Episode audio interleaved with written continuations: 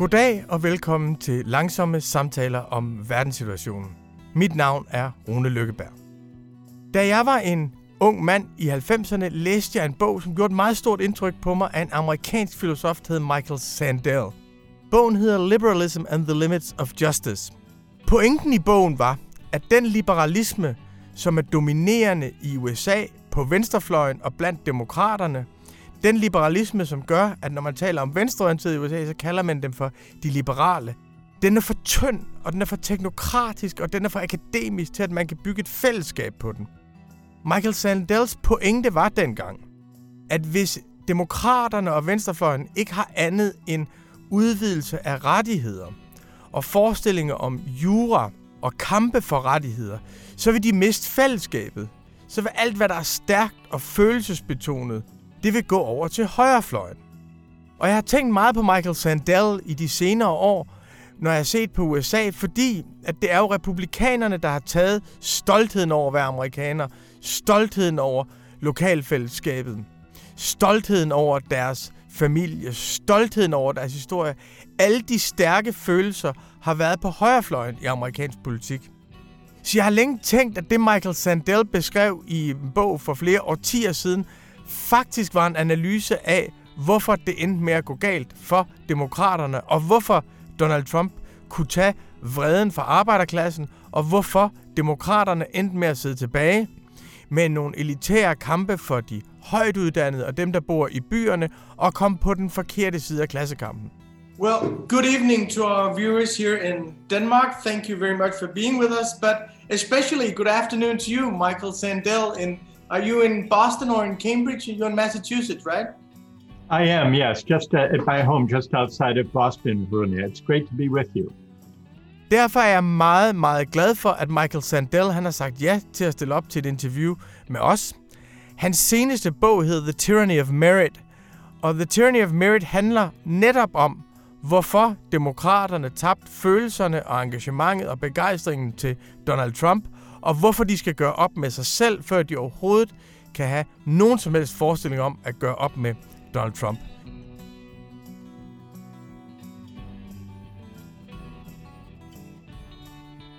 I, want to ask you first about this very special moment that you're in politically in, in America. And I think watching from abroad, it's very hard to figure out how serious it actually is. You seem generally in America very alarmed about what took place one week ago at, at Capitol Hill. And we were just expecting a new beginning for America the end of the Trump presidency and a new beginning with Joe Biden and the Democratic majority in House of Representatives in control of, of the Senate. And now you have this horrible event taking place. What are your reflections on this very special moment in America?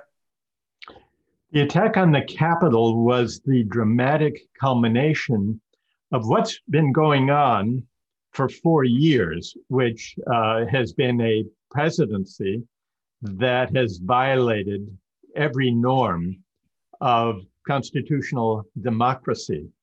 So while the event was shocking, in retrospect, in a way, sadly, it was continuous with the experience of the last four years. And the question is how we will emerge from this.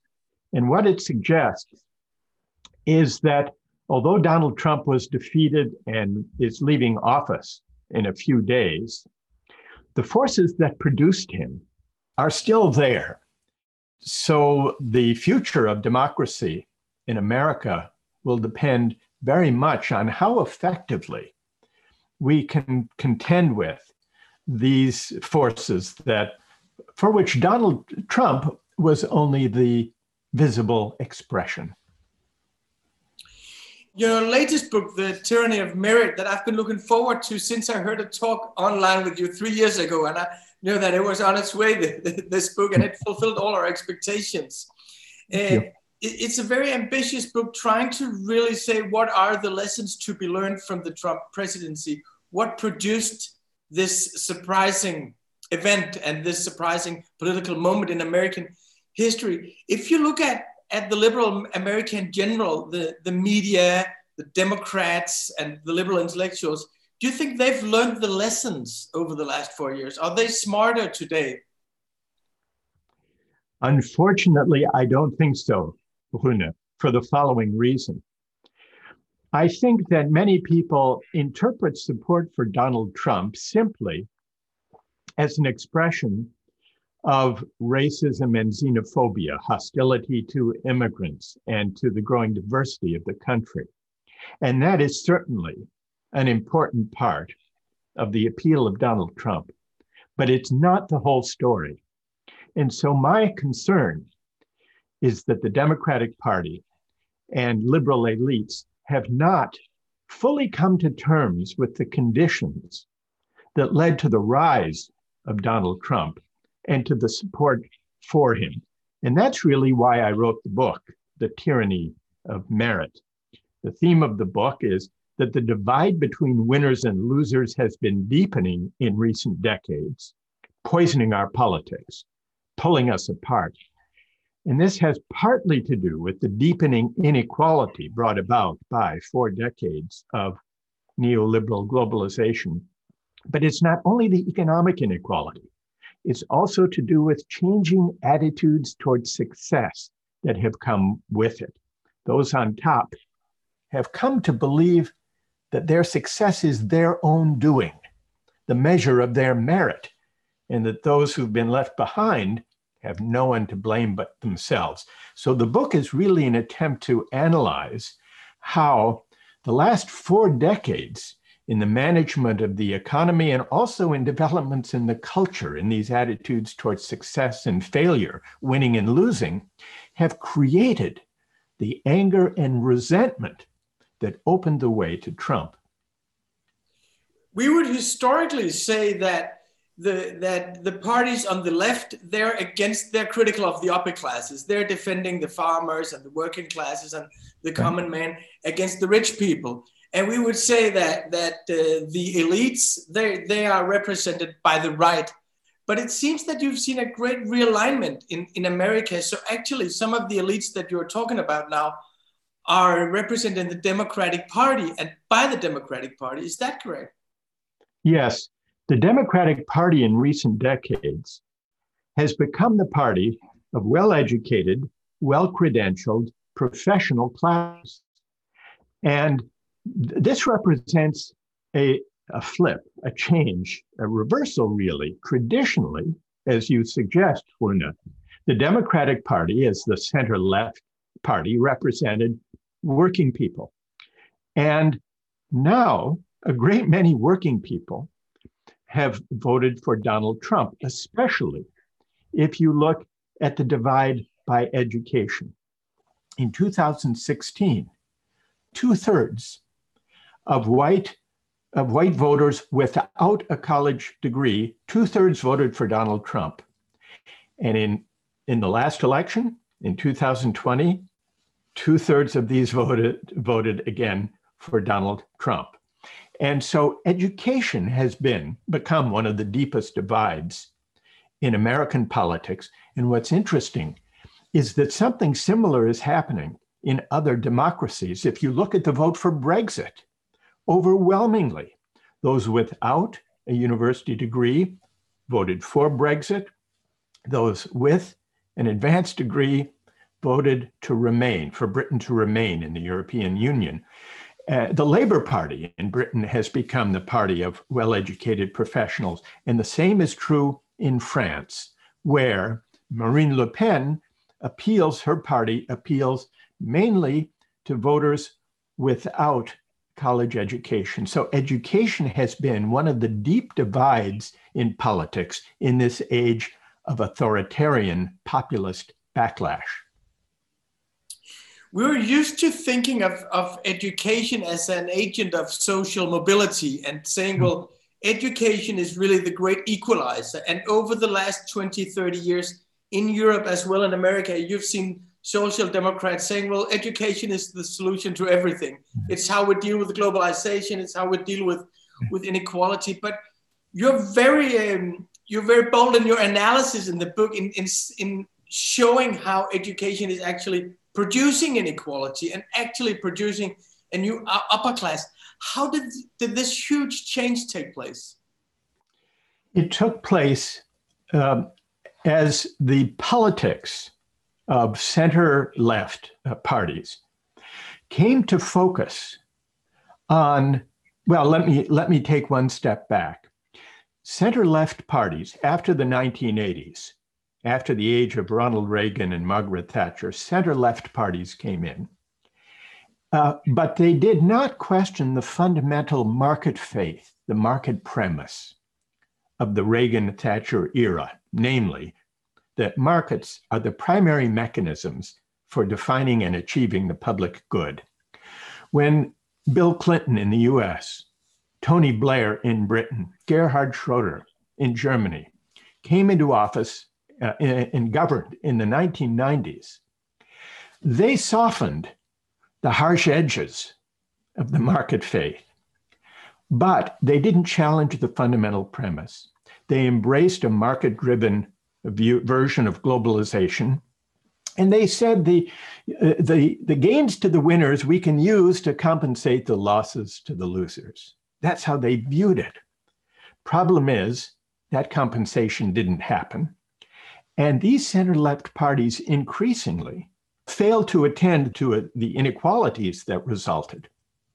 The way they responded to the deepening inequalities, into the wage stagnations, was to offer individual upward mobility through college education. They told people if you want to compete and win in the global economy, get a university degree. What you earn will depend on what you learn. This was the slogan of the time. Now, this seems on the surface to be inspiring, encouraging people to go to college. That's a good thing in and of itself. But as a response to inequality, and as a response to wage stagnation. There's actually an insult implicit in this uh, advice go to college, go to university. The insult is this if you haven't been to university, and if you're struggling in the new economy, your failure must be your fault. You didn't get the diploma we told you you need. And so I think this meritocratic promise, I call it the rhetoric of rising, it lost its capacity to inspire, partly because social mobility stalled. It's, it's much harder to rise one generation to the next in the US and in Britain than it is in Denmark and, and in some other European countries. So the American dream, one could almost say, is alive and well and living in Copenhagen. if we look at rates, actual rates of upward mobility. But the emphasis on, on a college degree, a university degree, had the effect of disparaging and demoralizing those without a university degree. And it's easy to forget, most people don't have one. The majority of Americans and of Europeans do not have a university, a four year university diploma. So, this, I think, was the folly, the mistake of center left parties to give up on confronting inequality directly and to focus instead on individual upward mobility through university education, which didn't begin to address the problem, and it conveyed an insult to working people who contribute important in important ways to the common good, but without a university diploma. Could it be then? I was thinking when I when I read your book that the animosity towards Barack Obama is not, as we would often assume, a racist bias. They don't want to be ruled by a black man, but more that Barack Obama is the icon of this very this neoliberal meritocracy. That he's the one who took the opportunity and came from the lower classes and became a professor at Harvard and a very very skilled scholar. So he proved that he's a winner in that system. And when you look at him, he, he can do it, so why can't I do it? Could it be that the animosity of the right against him is just because he's the icon of exactly that moral order that you are suggesting? In part, but here it's important to be careful. In, in parts, uh, among some of the Trump voters, there is a, a white supremacist, racist strand. And the fact that Donald Trump uh, came to political prominence in part through questioning whether Barack Obama had been born in the United States That is a part of Donald Trump's political appeal. So there is a racist dimension, and we should not deny that or overlook that. At the same time, there is also truth in what you suggest. And I try to bring this out in the book. I am critical in some ways of Barack Obama. I should say, I voted for him twice. and I voted for him even in the Democratic primary when he was face, facing Hillary Clinton. So I voted for him actually three times. But I am critical of him in the book. He was enormously capable. But he, like many leaders of center left political parties, he did not have a keen ear for the sense of humiliation and resentment experienced by working class voters who heard his emphasis on rising through a university degree and found this demoralizing and insulting. He didn't hear that, just as Bill Clinton before him didn't hear it, just as many center left political leaders in Europe didn't quite understand the anger and resentment that a meritocratic political project can produce, emphasizing individual mobility through university education as if as the answer to uh, wage stagnation, as the answer to deepening inequality, as the answer to the sense of disempowerment that many working people felt as their jobs were outsourced during uh, the years of globalization. This missed something. And so I think center left parties, including Barack Obama, did have a kind of blind spot and, and didn't hear the insult implicit in what they thought was a, a, realistic and even inspiring message of encouraging people to rise. You can make it if you try. This is one of Barack Obama's slogans. You use a phrase in the book that, uh, that, that was very, very precise. You say that we have a hereditary aristocracy, that the, the universities have turned into aristocracies of heritage, even that not only are they upper classes, but they're reproducing uh, themselves. How, how do you see that? There is intense competition, as you can imagine, for admission to top universities in the United States. Such intense competition that recently we had a scandal, and I write about it in the book, yeah. of some wealthy parents, some of them celebrities, hiring a corrupt private college counselor who had an organized system of bribes to get their children admitted to top universities. What this shows is how central universities, and especially selective universities, have become to the allocation of opportunity in a meritocratic society. And so, what we've done is we've put universities in the role of being arbiters of opportunity. They are the ones who define the merit and confer the credentials that a market driven meritocratic society rewards. So there is intense competition for admission. On the face of it, where admission is by merit, by grades and standardized tests, it would seem to be a system of fair, equal opportunity. Everyone is free to take these entrance exams and to submit their applications. And meritocracy in this way seemed to be a welcome democratic departure from the old system back 60, 70, 80 years ago, when only the children of the privileged were admitted to places like Harvard, my university. But what's happened is that affluent parents have figured out how to pass their advantages onto their kids, eh, not by bequeathing them large estates or trusts or money, but by equipping them with the educational and the cultural advantages that enable them to compete effectively in getting high test scores. The higher the higher the family income, the higher the higher the likelihood of scoring well on these college entrance exams.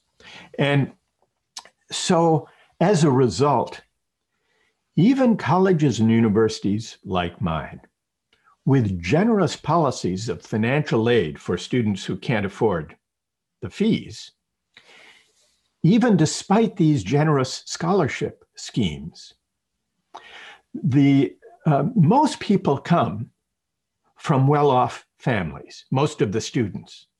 And here's an especially dramatic measure of this. At the Ivy League American universities, the, the eight or 10 or 12 uh, very competitive universities, there are more students from families in the top 1% than there are students from the bottom half of the income scale combined. So even though admission is meritocratic, it has devolved into a system where the successful can enable their children to reproduce their success, not strictly speaking through a hereditary title, but by all of the educational and cultural advantages that enable young people to compete effectively for admission to universities, which now serve this role of allocating opportunity in a meritocratic society. I was thinking of, of you know Pierre Bourdieu's analysis of the French mm. educational system when I read your book, because there, there are some resemblances. Um, yes using the metaphor of aristocracy to show how inequality is reproduced. But all, but in Bourdieu's analysis of the French educational system of the 60s and 70s, there's the, the, the conflict between economic capital and cultural capital. That either if, if, if you have access to the great universities and you have a lot of cultural capital, you're usually against the rich. And if you're rich, you don't have the cultural capital. But what, what you're describing in your book is actually that, that it seems that cultural capital and economic capital, they merge together in these universities. They are coming closer and closer together.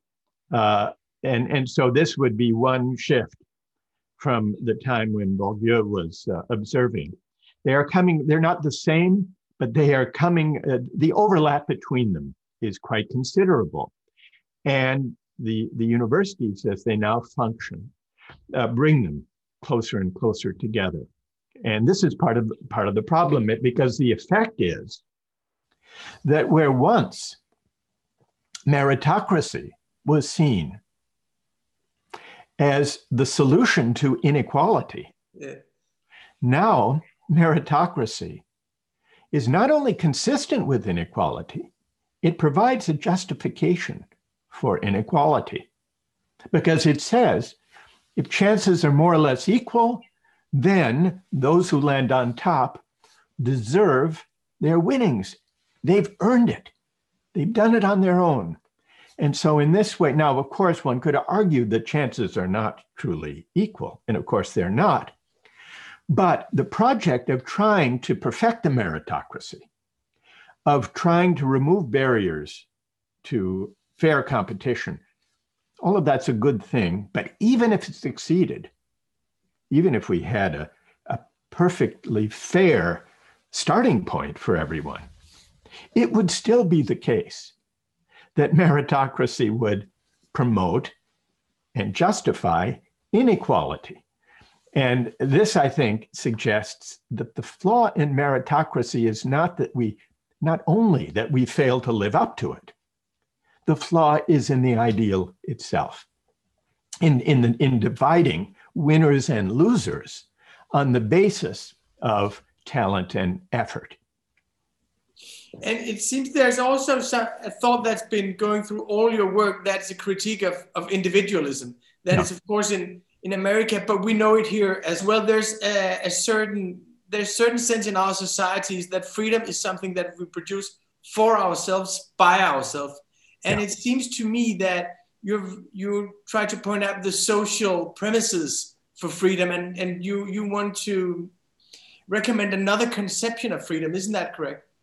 Yes, and in some of that, the earlier work uh, to which you've referred, Rune, I've, I've drawn a contrast between the, a consumerist conception of freedom and a civic conception of freedom.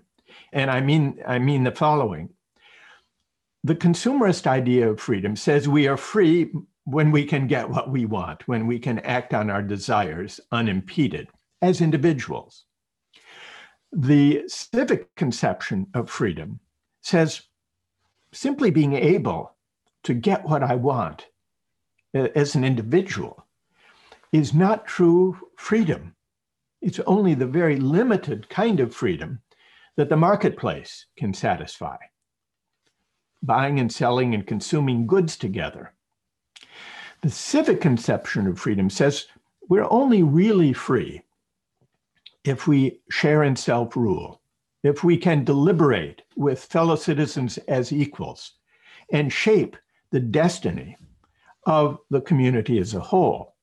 So, freedom understood as a civic project involves more than simply being able to act on my desires and as an individual. It requires a certain kind of common life, the kind of common life that cultivates a sense of shared citizenship and of mutual responsibility, and that empowers citizens to have a meaningful and effective voice about the destiny of their political community.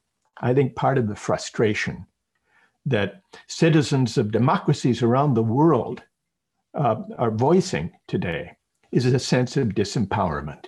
And the disempowerment is connected to the lack of civic freedom, the sense that our voices don't matter, that they aren't heard, that we really aren't engaged in a shared project of collective deliberation about the kind of society we want, about the meaning of the common good. So it's true, my work has been arguing against a purely market based consumerist idea of individual freedom, trying to articulate and defend and point the way toward a more demanding civic notion of freedom, which requires that we think of ourselves as members of a community, not just as individual consumers in the marketplace.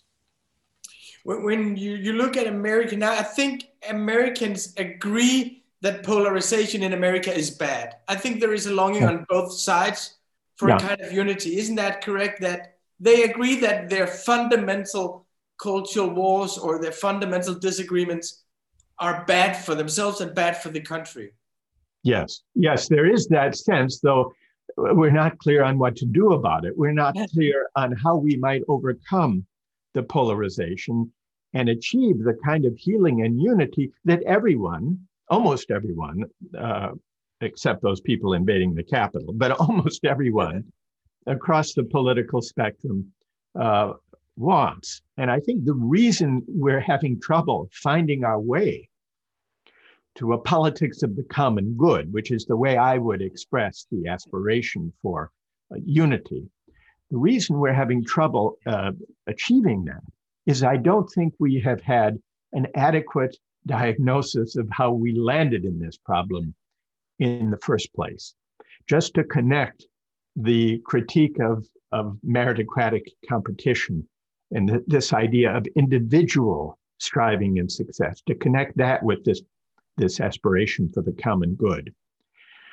The heart of it is this, I think, Rune.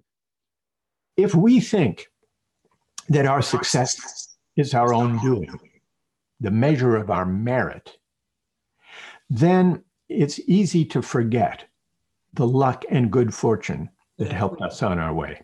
It's easy to forget the sense in which we are indebted for our success to family, to teachers, to neighborhood, to community, to country, to the times in which we live. We are indebted to all sorts of contingencies and sources of help. And so the, the more I think of my success as my own doing, the harder it is to imagine myself in other people's shoes. But a greater sense of the role of luck in life, of good fortune, can prompt a certain humility there, but for the accident of fate or the grace of God or the luck of the draw go I. So this sense of this sense of humility and, and, appreciation of the role of luck in life can open us, I think, to a politics of the common good, to a greater sense of solidarity than is possible if we think of freedom in entirely individualistic terms. When, when I, I, was following the, the primaries, of course, and I was going there with my son, who's a great fan of Bernie Sanders. So we were driving around watching the, the rallies and really appreciated this Tocquevillian primaries experience, this vibrant energy and this true and really impressive uh, engagement of, of American citizens. Really, we, that we don't that we don't see here. This is an aspect of American democracy that we that we really admire. I was so struck by how a lot of what you're saying was what they were saying, the candidates, how Elizabeth Warren would say, well, good for you if you're a successful businessman. You owe a lot to the people who build the bridges, who build the highways. The premises of your personal success are social, and some of them are fortunate. And when listening to uh, to Bernie Sanders talking about what we should do for the working classes, how we should uh, raise the minimum wage, I thought, well, they are not leaving. Uh, they're not leaving the conflict with neoliberalism to the conservatives. They're taking it themselves. So I was very hopeful watching that because I don't. I know they didn't win, but they were shaping the debate, and I think you see a lot of it in Biden. His his uh, kind of progressive protectionism, his build back better, his industrial policies are very yeah. promising aspects, I think. But then I, I read in your book what Hillary Clinton said that she won about a fifth of the districts uh, in the American elections, 20% of the districts, but they produced two thirds of the American economy. And then I saw just a week ago that Joe Biden, he won 500 out of 3,000 districts that produced 71% of the American GDP. So, what should we expect from these Democrats? Are they starting to understand the working classes? Or are they increasingly becoming the party of the upper classes? It's a complicated question for exactly the, the reasons that you uh, observed when you were here with your son. You're right. Elizabeth Warren did speak from time to time about success not being only an individual achievement. And Bernie Sanders did speak about the need to create a more generous system of social provision and public provision and a greater, uh, greater distributive justice. Um, so they were on the right track. And from time to time, Joe Biden speaks about the dignity of work, which I think is a theme that has been missing in Democratic uh, Party uh, public rhetoric and discourse, the dignity of work. But I would not say, and as you point out, Bernie Sanders and Elizabeth Warren did not prevail. They were not neoliberals. They are not subject to the same kind of criticism I've been making. I think the one element that's missing in even in their uh, political rhetoric and argument is to connect a critique of neoliberalism and the way the global economy has been uh, has been carried out to connect that with values and with identities and even with and this is a word that conservatives have have monopolized even with patriotism.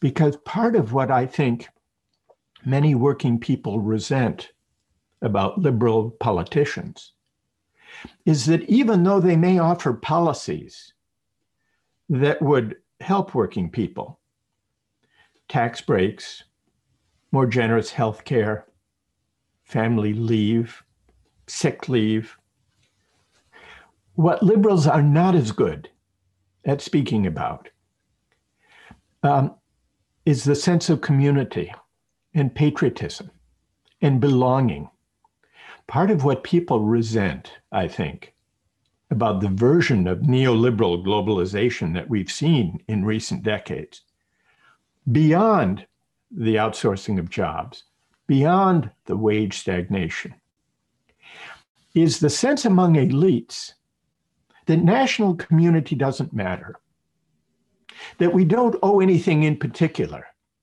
to our fellow citizens, because the global economy is what matters. That we should identify, as many in the professional classes are inclined to identify, not with particular parochial, rooted, or situated communities, national or, or regional or local, but the world as a whole. And this way of thinking about citizenship, it's closely connected to the embrace of neoliberal markets, the free flow of capital and goods and people across borders. But it misses something that, that everyone aspires to, which is a sense of belonging. And it's very difficult to articulate a sense of belonging to a particular place if, all, if the only framework is a global economy. And so I think the left needs to find a way to connect the language of patriotism and belonging and community to its critique of the economy. And then I think there would be, be a kind of language that would enable uh, liberals and center left political parties to speak more powerfully to the aspirations of working people and to win back some working people who have been attracted to the hyper nationalistic, xenophobic rhetoric of the authoritarian populist right. The left needs, I think, and liberals need an alternative language of community and patriotism and belonging. It's not enough to offer policies alone. What do you, what do you think about that, Rune? Do you think that's plausible? I think to a certain extent that that they should, and, I mean, it's hard. To, what I'm going to say now is uh, going to sound ridiculous, but I mean, they should try and listen to Donald Trump at times because he has a way of talking to people when he to, he especially talks to their aspirations and their hopes and their concrete lives and dreams. You know, he says a lot of horrible things, but you know, there's this uh, this survey that said that Donald Trump had had the vocabulary of a fourth grader and people were laughing about it. But actually, I think that is a democratic virtue to, to speak like that and to be uh, speak a language that everyone could understand. I think you're absolutely right that that even Bernie Sanders, who, who does not talk about employment but about jobs, and Bernie Sanders, who does not talk about opportunity, who doesn't use the, the neoliberal f- framework, he does not like to talk about values because that is something that belongs on the right. And I think, I don't remember if it's uh, liber- liberalism and the limits of justice on democracy's discontent that you, you say that the procedural republic is not enough. The civil rights movement is not enough.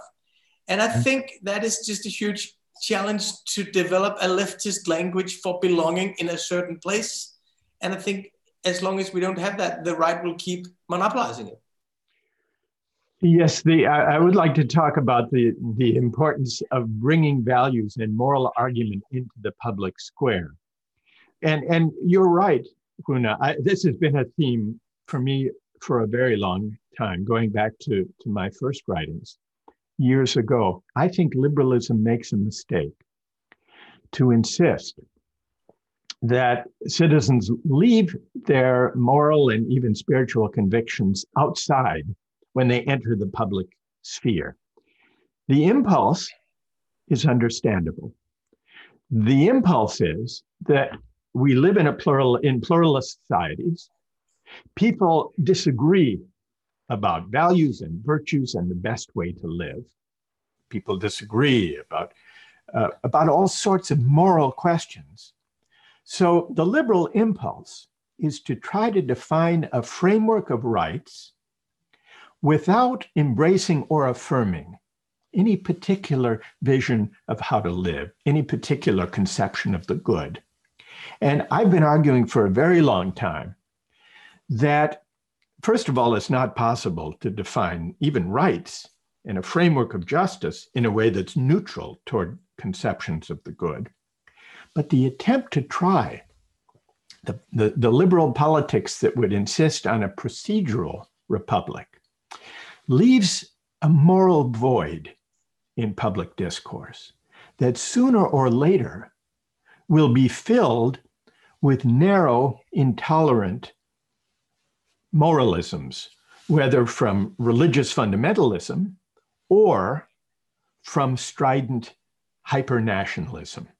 These are the default alternative sources of value that people will draw upon to fill a public sphere in a pluralist society that is empty of values and moral discourse. So I, I argue in the tyranny of merit, but it's an argument I've been engaged in, Rune, for some time, that we need a morally more robust kind of public discourse than the kind to which we become accustomed. We should not shy away from bringing into political argument and debate moral arguments, questions of values. And just as you, you mentioned the civil rights movement, I actually think that was a movement that was not a purely liberal movement. I think the civil rights movement was inspiring as an example, precisely because Martin Luther King and others drew freely and frequently on moral arguments and sometimes religious arguments to make the case for desegregation and civil rights. But we've lost that habit. We've lost that source of inspiration and political resonance. So, so I think we need a morally more robust kind of public discourse, and that liberalism makes a mistake if it tries to pretend that there's a way of deciding hard questions about how to live together without inviting citizens to debate fundamental ethical questions. I have one last question, something that I wanted to ask you for a long time, and now I get the chance. That is more on a personal level. What was it like for you? You must have been a very young political philosopher when you wrote the book that was so critical of John Rawls. And John Rawls, he was the superstar, the great philosopher, and I think he's a great philosopher, definitely. And his kind of liberalism is very close to what we will call social democracy here, here in Denmark and is a very great way of criticizing neoliberalism. I think it's a great philosophy. But what was it like for you as a young philosopher coming out with that critique of John Rawls? Well, I wrote um, the, my first book, which was a critique of John Rawls's version of liberalism. I wrote it my. There it is. Wow, you've got it. That's amazing. So this this I, I wrote uh, as my dissertation when I was in uh, graduate school in Oxford, and then it came out as a book uh, a year or two later. The book you just held up, and it was a critique of John Rawls's liberalism, not because I disagreed with the social democratic policies that he favored and principles that he favored but I disagreed that, that he could actually get us to those principles in a way that was neutral toward conceptions of the good life, of the issue we've just now been discussing. That was my criticism of John Rawls. The idea that we could detach ourselves or should detach ourselves from our fundamental aims and and uh, moral convictions and allegiances and identities. That's that was the issue, and so I began teaching at Harvard uh, in 1980 as a as a very young professor, and one day the phone in my office rang shortly after I arrived, and I picked up the phone, and the voice on the other end said, "This is John Rawls." R A W L S, spelling his name as if I might not know who he was. and he he was very generous and he invited me to lunch to he was aware I had written uh, this dissertation and and and he was uh, inviting me to lunch to meet and to talk but I'll never forget he it was as if God called on the phone and spelled his name just in case you hadn't heard of him. One absolutely last question, because I have one minute more, and it's this book I think is so important because you criticize your own institution and that it opens for another kind of dialogue. And you cri- criticize a privilege that so many are blind to. And, and it's a very, very well well put and well informed and convincing criticism. Uh, how did uh, your colleagues at Harvard respond to your to your book? Well, uh, some of my faculty colleagues have expressed sympathy with my perspective but I'm still waiting to hear from the powers that be. And I'm looking forward actually to engaging in dialogue with them um, because I, I do criticize uh, the way in which uh, universities like mine have been cast in the role of arbiters of opportunity. We're not the sole cause of the meritocratic public culture, but we are quite central accomplices. And I think we need to rethink uh, the role of higher education, even as we need to debate the shape of the economy and the terms of public discourse. Well, thank you so very much for taking your time. It was a pleasure to, to meet you and talk to you after so many years. Thank you. Thank you. I've really enjoyed it. Thank you so much. bye bye.